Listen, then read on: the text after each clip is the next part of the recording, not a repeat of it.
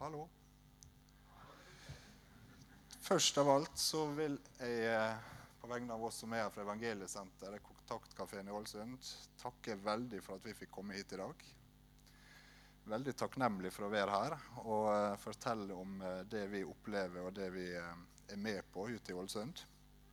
Og takknemlig til Gud for det vi forstår i. Vi ser veldig mye, og vi opplever veldig mye. Og vi er takknemlige til Gud for det. For det er jo et verk av Han, det vi er med på. Eh, nå ble vi vel presentert litt i stad, men eh, jeg heter Daniel Oppskar. Så er det kona mi Anette Oppskar. Og så har vi Stein Rune og Andreas. Eh, de vil på slutten i dag eh, fortelle et vitnesbyrd om sitt liv. Eh, de har vært ute i et tøft liv, og eh, det er ikke uten videre at de står her i dag. Da. Så... All ære til Gud for det. Eh, og dere skal få høre et sterkt vitnesbyrd på det etterpå. Så vil vi fortelle litt om det som skjer i eh, Kontaktkafeen. Og eh, Anette vil fortelle litt om det. Kan, ja. Først vil jeg innlede med ei bønn. Jeg tenkte det er viktig å legge alt det her i Guds hender. Takk, Jesus, for at vi eh, får være her i dag. Takk for at vi er samla rundt ditt ord, ditt navn. Takk for at du er midt iblant oss. Det har du sagt. Bare ber vi om at det som blir vitna om her og fortalt om her, det er etter din vilje, far, og at det er ditt ord som går ut, far. Og bare ber om at det når mennesket i dag. Og at det, vi kan nå enda flere, far. Vi bare takker for den forsamlinga. Velsigner den forsamlinga her. For det flotte arbeidet de står i her, far. Og vi bare legger dagen videre i dine hender. I Jesu navn. Amen.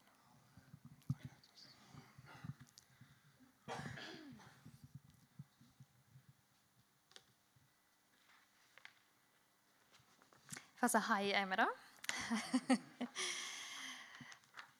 um, ja. Jeg skal fortelle litt om Evangeliesenteret først. Jeg regner med de fleste vet litt om det. Men jeg skal lese en liten sånn um, Eh, som står i eh, bladet deres. En liten sånn, ja, kort hva det handler om. Stiftelsen Evangeliesenteret er en privat, ideell og frivillig organisasjon som er forankret i pinsebevegelsen. Stiftelsens formål er å oppsøke, hjelpe og rehabilitere mennesker som er kommet i sosial nød pga. misbruk av rusmidler. Evangeliesenterets virksomhet bygger på grunnleggende kristne verdier som nestekjærlighet, tilgivelse og gjenopprettelse. Eh, og at alle skal få en mulighet. Vårt motto er 'Ennå er det håp'. Vi ønsker å hjelpe alle som er motivert for rehabilitering. Um, Det er altså, som jeg sa, det er målgruppa vår er de som sliter med rus. Eh, og eh, vi er da en av 19 kontaktkafeer i Norge. Eh, som er det første møtet mellom Evangeliesenteret og rusmisbrukerne. Det er der de får eh, bli kjent med Evangeliesenteret. Det er der de får komme inn. Og ønsket om å bli rusfri. Og videre da, så er jobben vår å sende dem på inntakssenteret, som er i Porsgrunn. Um, og Der får de være ei ukes tid ca. Og så blir de sendt videre til andre rehabiliteringssentre, som er evangeliesenteret sitt. Så det er seks forskjellige senter som de kan bli sendt til. Um, og også, de har også tilbud om bibelskole. Uh, de har tilbud om uh, videregående utdanning. Uh, og de har også LAR-nedtrapping, altså for de som går på LAR-medisin for å bli kvitt det. og også så går det an å sone innenfor paragraf 12 på evangeliesenteret. Så dette er liksom de tilbudene som evangeliesenteret har. Eh, og i år så er det faktisk 40 år siden eh, Lise og Ludvig Karlsen starta evangeliesenteret i garasjen sin hjemme. Der de for ut og henta den ene rusmisbrukeren hjem i, i heimen sin og starta der. Og det har jo vokst så utrolig. Og eh, jeg så han Trond Palmgren, som er leder for Evangeliesenteret, han sa at det har egentlig vært en, en konstant vekkelse i 40 år innenfor evangeliesenteret. For hver uke blir folk frelst. Og hver uke blir familiene til rusmisbrukerne berørt. Og det er, ja, det er helt utrolig hva som skjer der. I dag er det rundt 130 beboere som eh, bor rundt om på de forskjellige sentrene. Um, ja, jeg hadde en sånn uh, slice der, ja. um, ja. Litt sånn som jeg sa i stad. Um, et bibelvers som er veldig viktig for evangeliesenteret. Uh, 2. Korinter 5, 17. Derfor, om noen er i Kristus, da er han en nyskapning. Det gamle er forbi, se, alt er blitt nytt.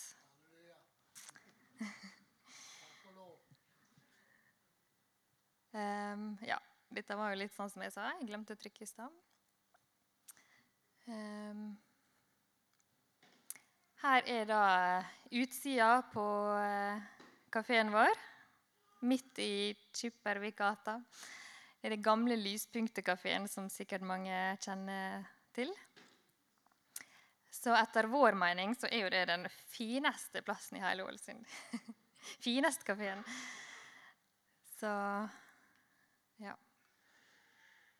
Dette her var da når vi eh, åpna eh, 3. oktober i fjor. Så åpna vi, og her var vi rundt og disse to karene her, faktisk. var rundt og fortalte og informerte om i byen.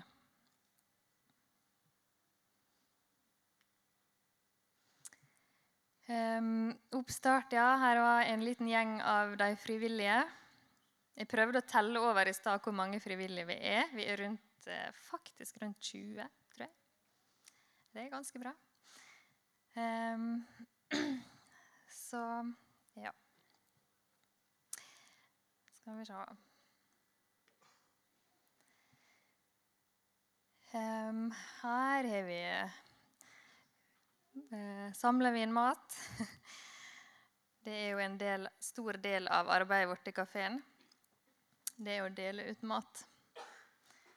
Eh, åpningstidene våre på kafeen det er når vi åpner mandager og onsdager, har vi åpent 11 til 14. Og tirsdager har vi åpent eh, 19 til 21. Og så, ja, Det er jo et samarbeid mellom mange menigheter. Når vi starta opp, så var det først samarbeid mellom Misjonskirka i Ålesund og Pinsekirka Moa. Og New Life var med. Og så ellers så er det kobla seg på flere og flere menigheter. Og det er jo det som er målet vårt. At så mange menigheter som mulig skal få være med på dette arbeidet her. Og det er jo det vi ser eh, Evangeliesenteret gjør. Det samler menigheter i hop. At det skaper en enhet mellom menigheter. Og det er jo åh, vårt største ønske. At vi tror på den samme Gud. Vi, målet vårt her på jorda er jo det samme. ikke sant? Å få med oss mest mulig mennesker til himmelen. Og det er, det er så bra å se at flere og flere menigheter kobler seg på. Og Misjonssalen er en av dem. Det er vi veldig takknemlige for. Um, så mat, ja. Uh, vi har jo litt sånn uh, avtale med noen uh, butikker. Men det er ikke så veldig enkelt faktisk å få tak i mat. Um, så hvis noen har noen tips og råd der, så tar vi gjerne imot det. um, ja. Jeg vil se på neste bilde. Her er Anstad Rune. Han er hovedkokken vår på kafeen. Alle brukerne blir veldig glad når han lager mat. Eh, så ja. Og Merete som står og kokulerer litt. Og Beate, det er kona til han Andreas. og ja. Så da lager vi til da, et varmt måltid eh, hver dag vi er åpent. Og serverer, og de får det gratis, selvfølgelig. Og så får de også med seg mat hjem eh, hvis de vil ha det. Um, ja. Jeg tenkte jeg skulle fortelle litt om hverdagen vår i kafeen. Jo, det det handler om, det vi praktiserer, er, er jo nestekjærlighet. Det er at vi skal vise Guds kjærlighet, og vi skal vise omsorg. Og vi, har, vi åpner alltid dagen med eh, ei bønnestund før vi åpner kafeen. Og da ber vi alltid om å få Guds visdom inn i dette arbeidet her. Og la brukerne få møte Jesus gjennom oss. Det er det viktigste. Det ber vi veldig om. Og det er egentlig folk som vil være frivillige, spør ofte hva, hva er det som skal til. Hva, må jeg ha noe erfaring innenfor dette her? Men det må du ikke. Det eneste du trenger, er Jesus i hjertet ditt, og at du har, et hjerte for disse menneskene her. At du vil vise dem omsorg og kjærlighet. Det eneste det vi trenger. Og så ser vi det at eh, det som er veldig, veldig viktig, det er å få relasjon til brukerne. Og skape en relasjon til dem. Veldig mange har problemer med å, å eh, altså, få tillit til mennesker. Mange opplever veldig mange sårbare ting. Eh, så det å bruke tid på dem og bli glad i dem og skape tillit, det er superviktig. Så får vi det tilbake. De blir glad i oss, og de skaper Ja, vi får tillit til hverandre. Jeg sa det at eh, Etter jeg begynte på kafeen, så jeg har aldri fått så mange klemmer i hele mitt liv som etter jeg begynte der ute. Fordi det er så masse, er så masse kjærlighet. Um, både, både, fra vår side, og vi får det også tilbake. Så det er så givende å være der. Um, og så ser vi Nå er vi vært åpne noen måneder. og vi ser Det som gjør mest inntrykk på meg, er at vi ser dessverre noen mennesker da, eh, som kom inn i kafeen i høst med eh, ja, et hardt hjerte. Eh, som var sint, som var litt sånn aggressive. Og så ser vi nå at det bare har snudd helt. At de bare er så åpen, så Åh, ja. De har bare fått, eh, fått et helt forandra sinn. Um, ja, det er så stort inntrykk. Um, og så ser vi også hvor masse kafeen betyr for enkelte mennesker. Det blir liksom deres andre hjem, tror jeg. At de kommer inn, og hver dag vi er åpent, og så er de der ofte hele åpningstida og ja, sitter og koser seg. Um, og så han, altså når vi åpna opp denne kafeen, så var jeg litt sånn eh, Jeg tenkte at eh, Og nå må vi få mest mulig mennesker inn. Liksom det var det som var liksom, fokuset mitt. da. Men etter hvert så har jeg lært at det handler ikke om det. Det handler om det ene mennesket som kommer inn Altså, Den ene rusmisbrukeren som kommer inn som trenger hjelp, han bryr ikke seg om at det er 40 andre der, eller om det er tre andre der.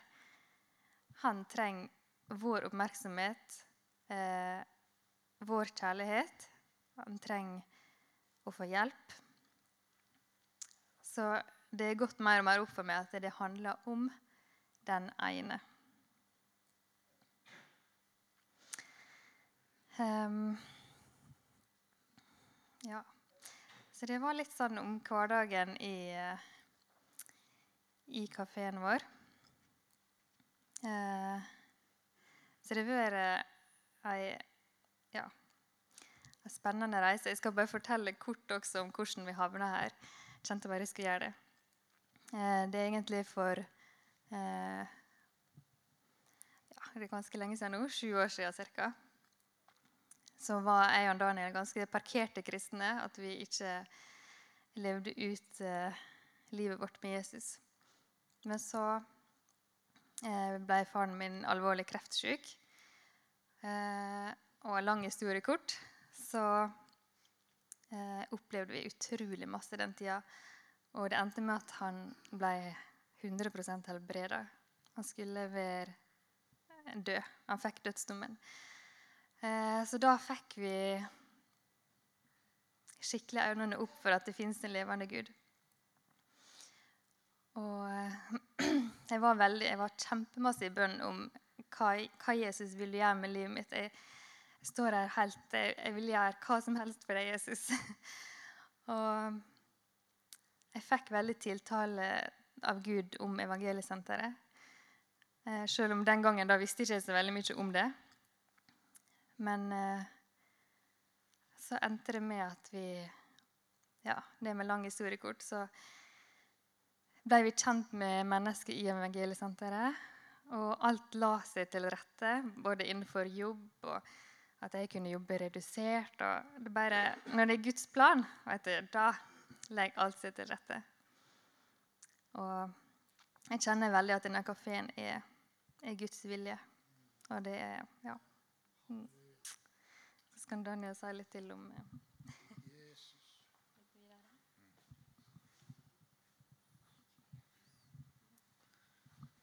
Ja. Da um skal jeg fortelle litt om eh, en annen aktivitet som vi også har ut fra kafeen. Og, eh, og, det er rett og slett det med oppsøkende virksomhet. Det er også et av målene som eh, Evangeliesenteret har, å nå de der ute.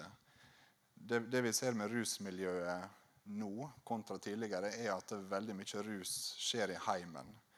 Så det er ikke så lett å finne rusmisbrukerne på gatene, men de sitter ofte i heimene. da.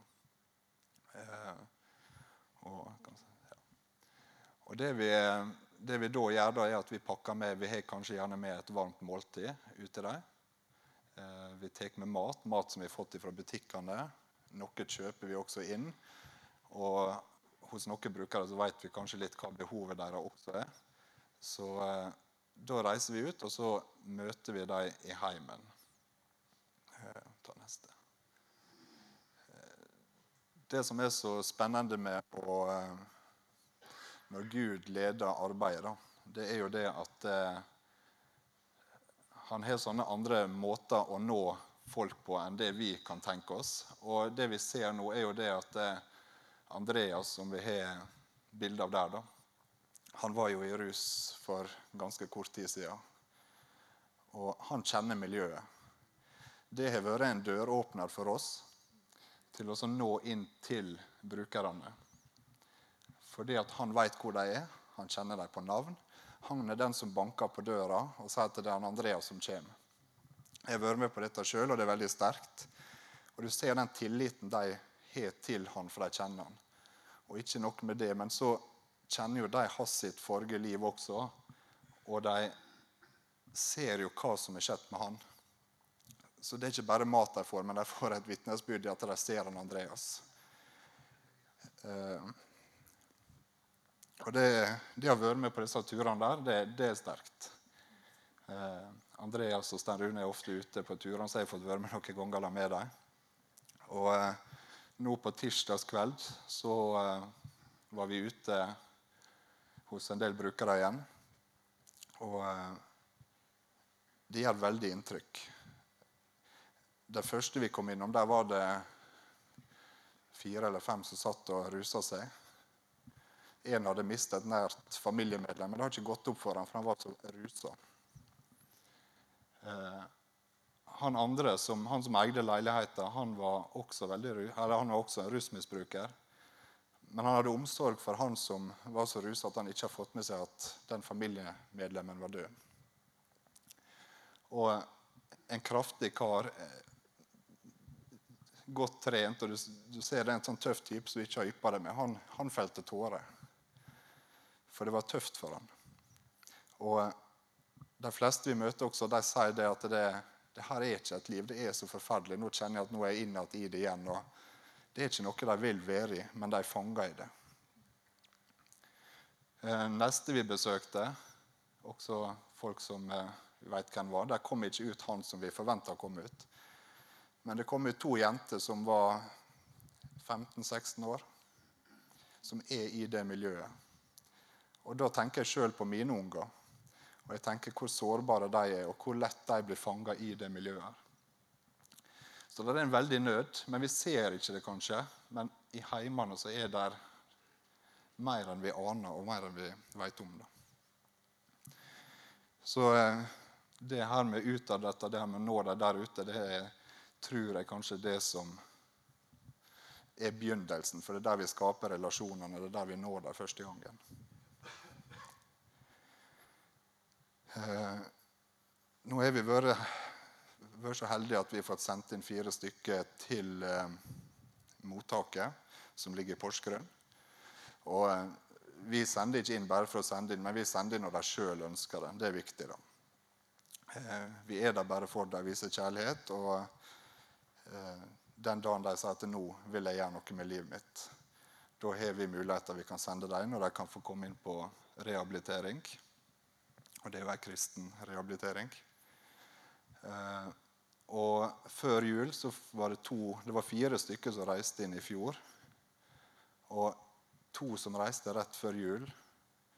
Han ene han eh, tok imot Jesus rett før jul. Så det var jo den fantastisk største julegaven vi kunne fått. Og han andre som sendte inn, han kom tilfeldigvis innom oss. Og han var bare helt oppgitt. Han hadde barn. Han klarte ikke å forsørge. Han, han var så langt nede. Og vi fikk lov å sende han inn, og han var så klar for det sjøl og ville gjøre noe med livet sitt. Og han fikk vi melding med på nyåret der han skrev sjøl at det hadde mest sannsynlig ikke vært i live, har ikke han fått reist inn på evangeliesenteret. Eh, så det handler faktisk om å redde liv. Så eh, det er givende, og jeg er veldig takknemlig til Gud. Jeg er veldig takknemlig for at det er han som har starta det arbeidet her. At det er hans planer som blir eh, fullført gjennom frivillige mennesker. Veldig takknemlig for dere som menighet som er med og støtter det. For det, det handler om å nå mennesker. Det handler om å redde mennesker.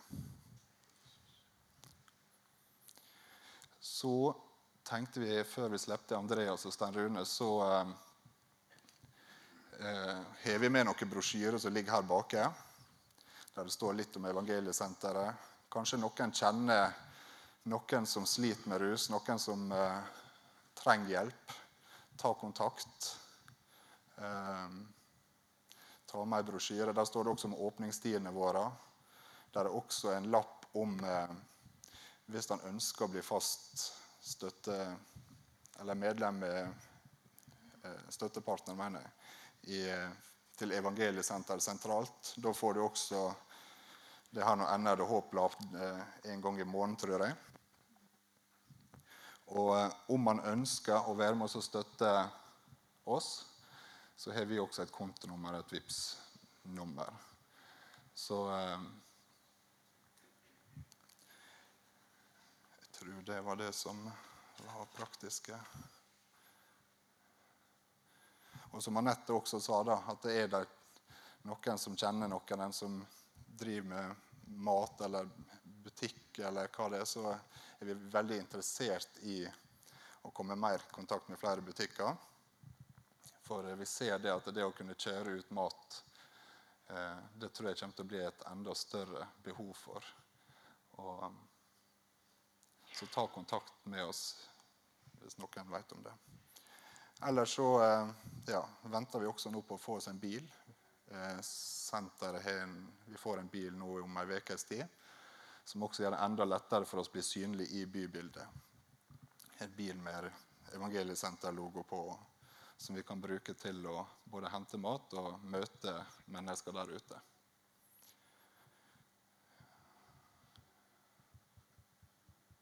Ja. Da eh, vil jeg bare sette over til tror Andreas ville først. Bare hør på det vitnesbyrdet. Det er mektig.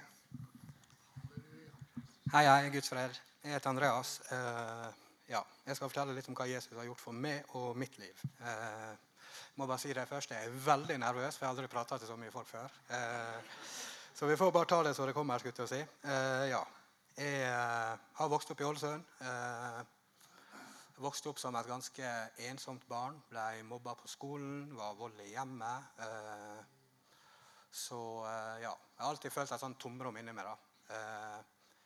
Og når jeg var tolv år gammel, eh, så eh, ble jeg introdusert for eh, hasj, eller narkotika. Og det I begynnelsen så klarte jeg å fylle dette tomrommet jeg hadde inni meg. Men det det gjorde, det gjorde jo meg bare hva jeg skal si, enda mer distansiert. Jeg ble kald. Jeg ble ja, nedbrutt, rett og slett. Det var vel starten på en nedadgående spiral.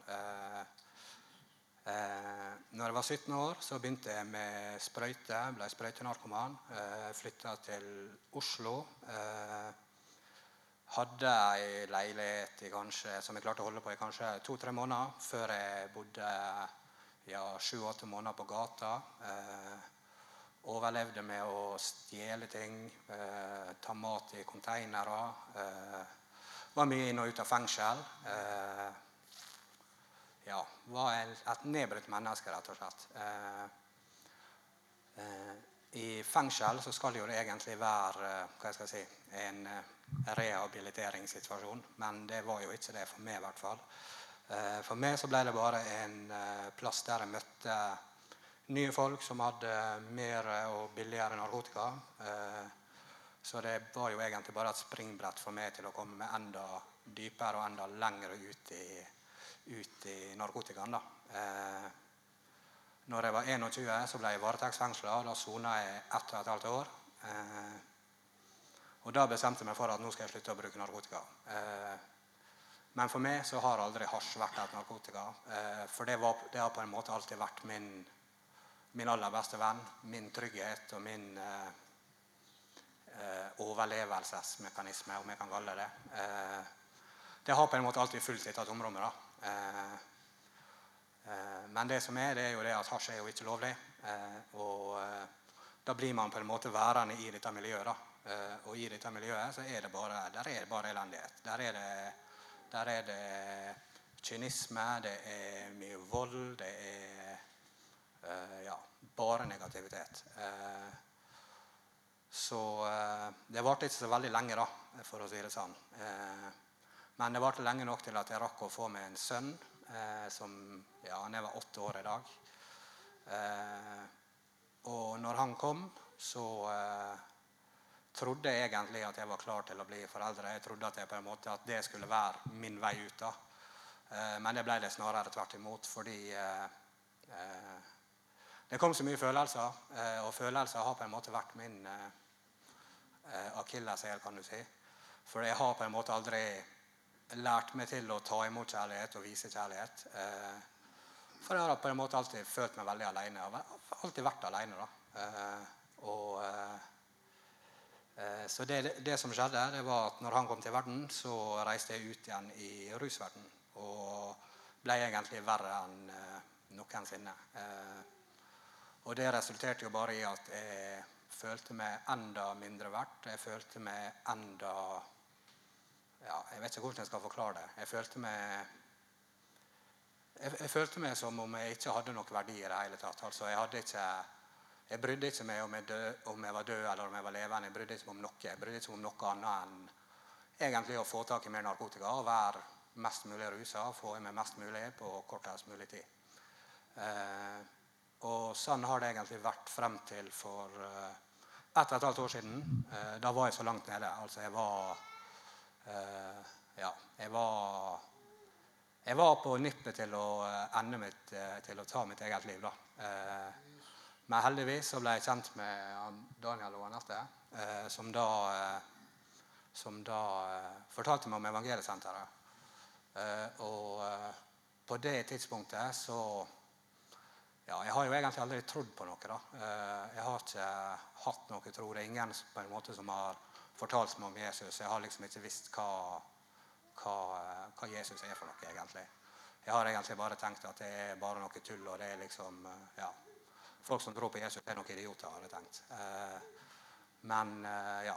Så valgte jeg da å reise inn på Evangeliesenteret. Og det ble starten på mitt nye liv, kan du si. Altså, når jeg kom inn på, på inntaket i Porsgrunn Den kjærligheten som man blir møtt med der og altså jeg ble redd, for jeg har på en måte ikke vært vant til å motta kjærlighet uten, eller motta noe som helst uten at det på en måte har vært en baktanke. For i det miljøet som jeg har vært i store deler av livet, så er det på en måte, folk er ikke snille uten at jeg vil ha noe med det, eller at det er på en måte en baktanke.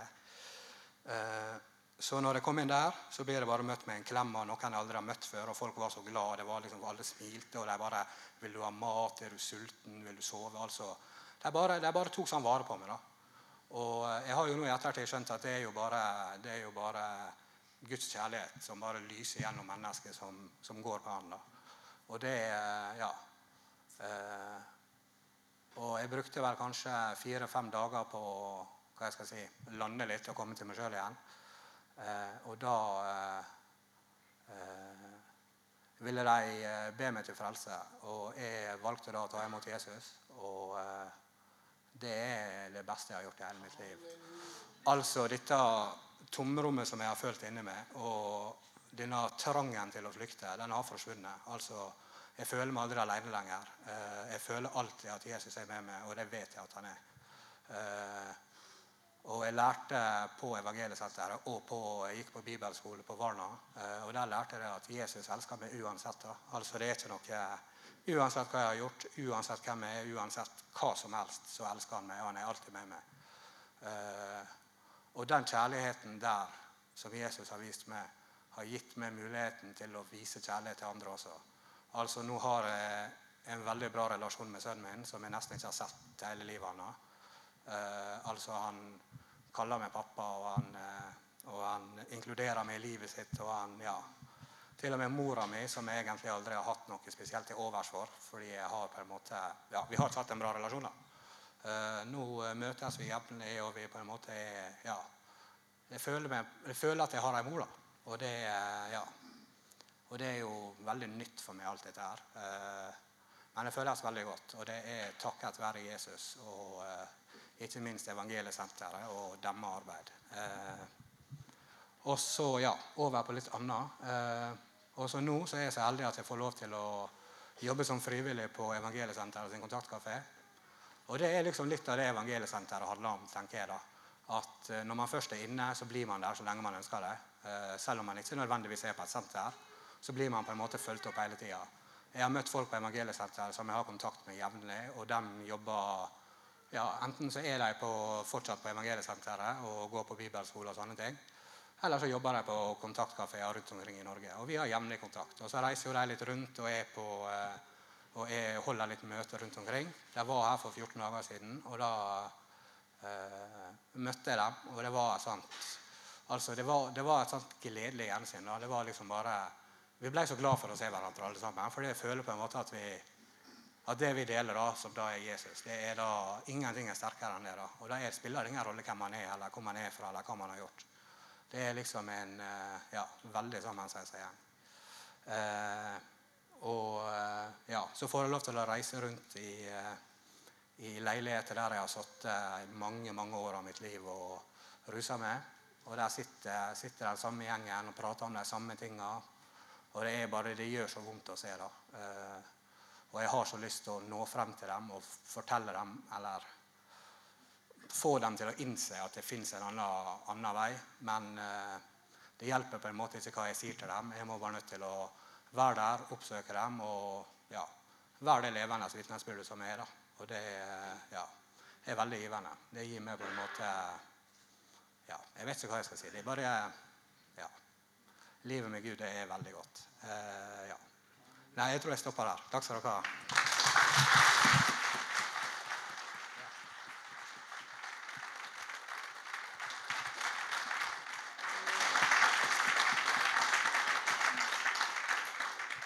Jeg skal bare si to ord. da.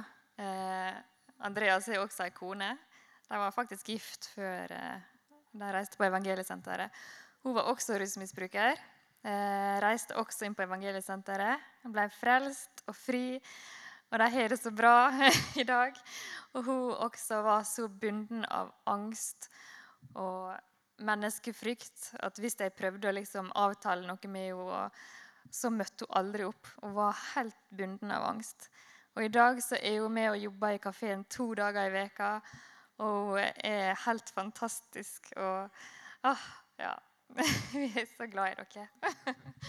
OK, nå er Rune sin tur. Og er det noe tid igjen nå? Halleluja. Guds fred. Esekel 36, 26. Jeg vil gi eder et nytt hjerte, og en ny ånd vil jeg gi innen eder. Og jeg vil ta bort steinhjertet av eders skjød og gi dere et kjødhjerte.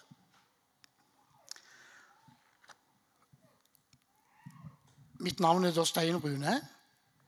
Jeg er 56 år og er fra Stavanger.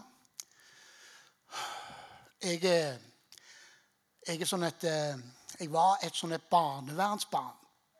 Jeg ble plassert på barnehjem da jeg var åtte måneder gammel. I Betania Weisenhuset. Det er et av de mest omtalte barnehjem i, i Stavanger og i Norge, faktisk. Dere kan google Weisenhuset, så kan dere lese rapportene der. Eh, Jeg var der da jeg var åtte måneder, og jeg var der i fem år. Ble utsatt for mye grov eh, omsorgssvikt og mye greier. Masse elendighet. Og så havna jeg i fosterhjem hos mine besteforeldre. da, Og der ble jeg òg utsatt for mye grov omsorgssvikt og, og mye vold i oppdragelsen. Da. Sånn, så jeg har, fått, jeg har fått veldig mye juling da jeg var liten. Og, og mye sånne ting. Så jeg, jeg, jeg kjente jeg var, jeg var, var redd hver gang jeg skulle komme hjem. For jeg visste hva som møtte meg. For jeg tror, jeg tror min bestemor var, var litt sånn eh, var litt sinnssyke. Det, det var noe galt oppi, oppi topplokket. Så hun brukte mye sånne, sånne greier med eh, mye vold i oppdragelsen. Da, sant? Og så, så når, jeg var, når jeg var ti år, da, så, så flykta jeg vekk fra dette. Da. Så disse guttene og, og de ungene jeg var med, vi, vi satt og sniffa lim ned- nede i skogen. Så, så min første introduksjon til rus da, det, var, det var faktisk å, å begynne å sniffe lim. Og ut ifra det så, så kjente jeg at det var godt å bare flykte fra denne verden her, og inn i, inn i en verden av hallusinasjoner og alle sånne ting. Da, sånn. Og ut ifra det så bare eskalerte det hele veien. Da, sant? Og da dør jo mine besteforeldre. Så prøvde jeg å bo hos mor mi, men hun heiv meg ut da jeg var 15 år gammel. Så jeg gikk på, på gata da jeg var 15 år gammel. Sammen med de, de verste lasaronene som du kan tenke deg i Stavanger. Og jeg gikk sammen med de i, seks-syv måneder. Så ble jeg plassert på et ungdomshjem. Eh, altså det var dreven av Frelsesarmeen da. Og jeg var så langt kommet med rus. Og jeg, jeg, jeg satt med første sprøyte. Jeg, satt med, det var, jeg var 16 år da jeg fikk mitt første skudd. Og fram og tilbake har jeg gått sånn ut og inn av forskjellige statlige institusjoner. Og kommet ut igjen og, og røket. Jeg har til og med røket inn, på disse herne institusjonene og begynt å ruse meg på en helt annen måte. Da? Men i Men i eh, på, på slutten på i år 2000 da, så så var det så gale. Jeg gikk på så mange overdoser med, med, med, med heroin og, og, og, sånne ting. Det, det, var ganske alvorlig. da. Jeg tror jeg var oppe i fem-seks stykker. da.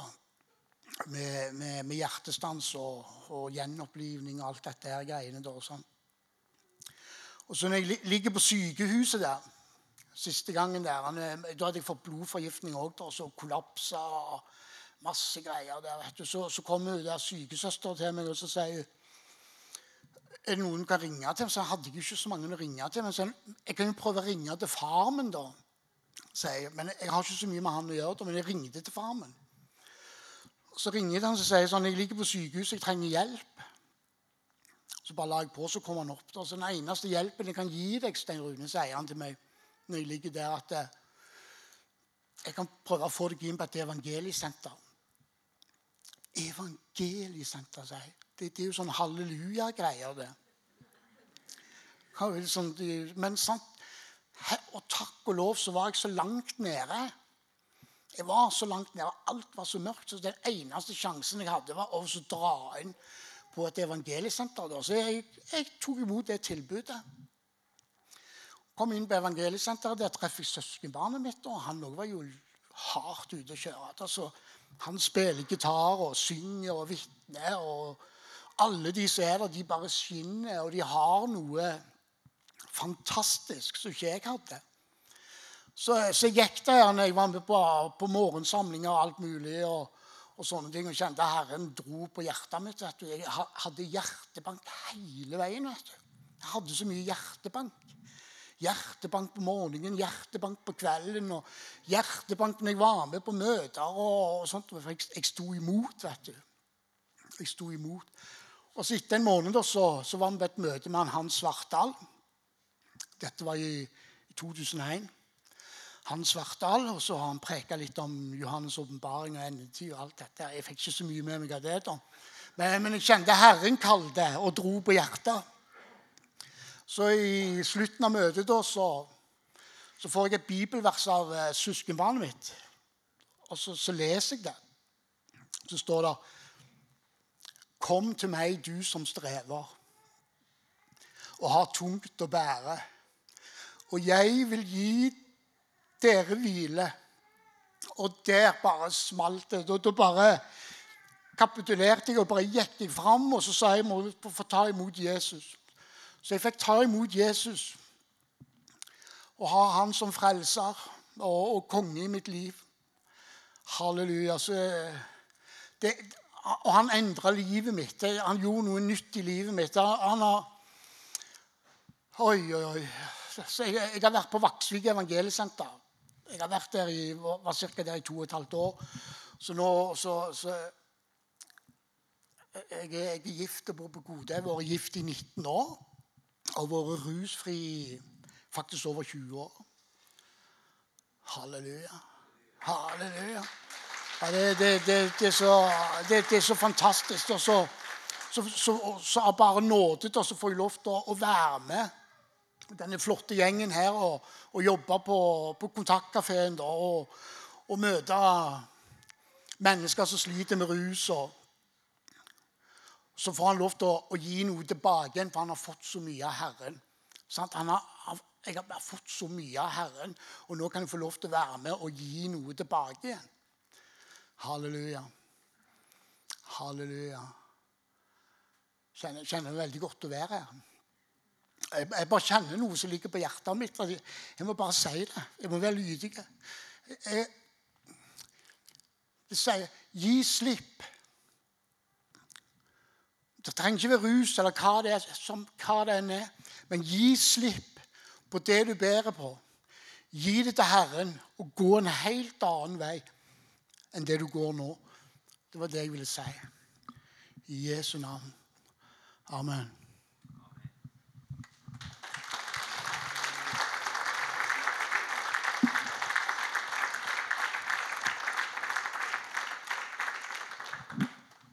Bare si helt eh, til slutt Hvis du sitter her og kjenner på at dette her har jeg lyst til å, å være med på, så bare kom og snakk med oss etterpå. Og som sagt, du trenger ingen erfaring. Du trenger kun Masse kjærlighet. Tusen takk for at vi fikk komme. Veldig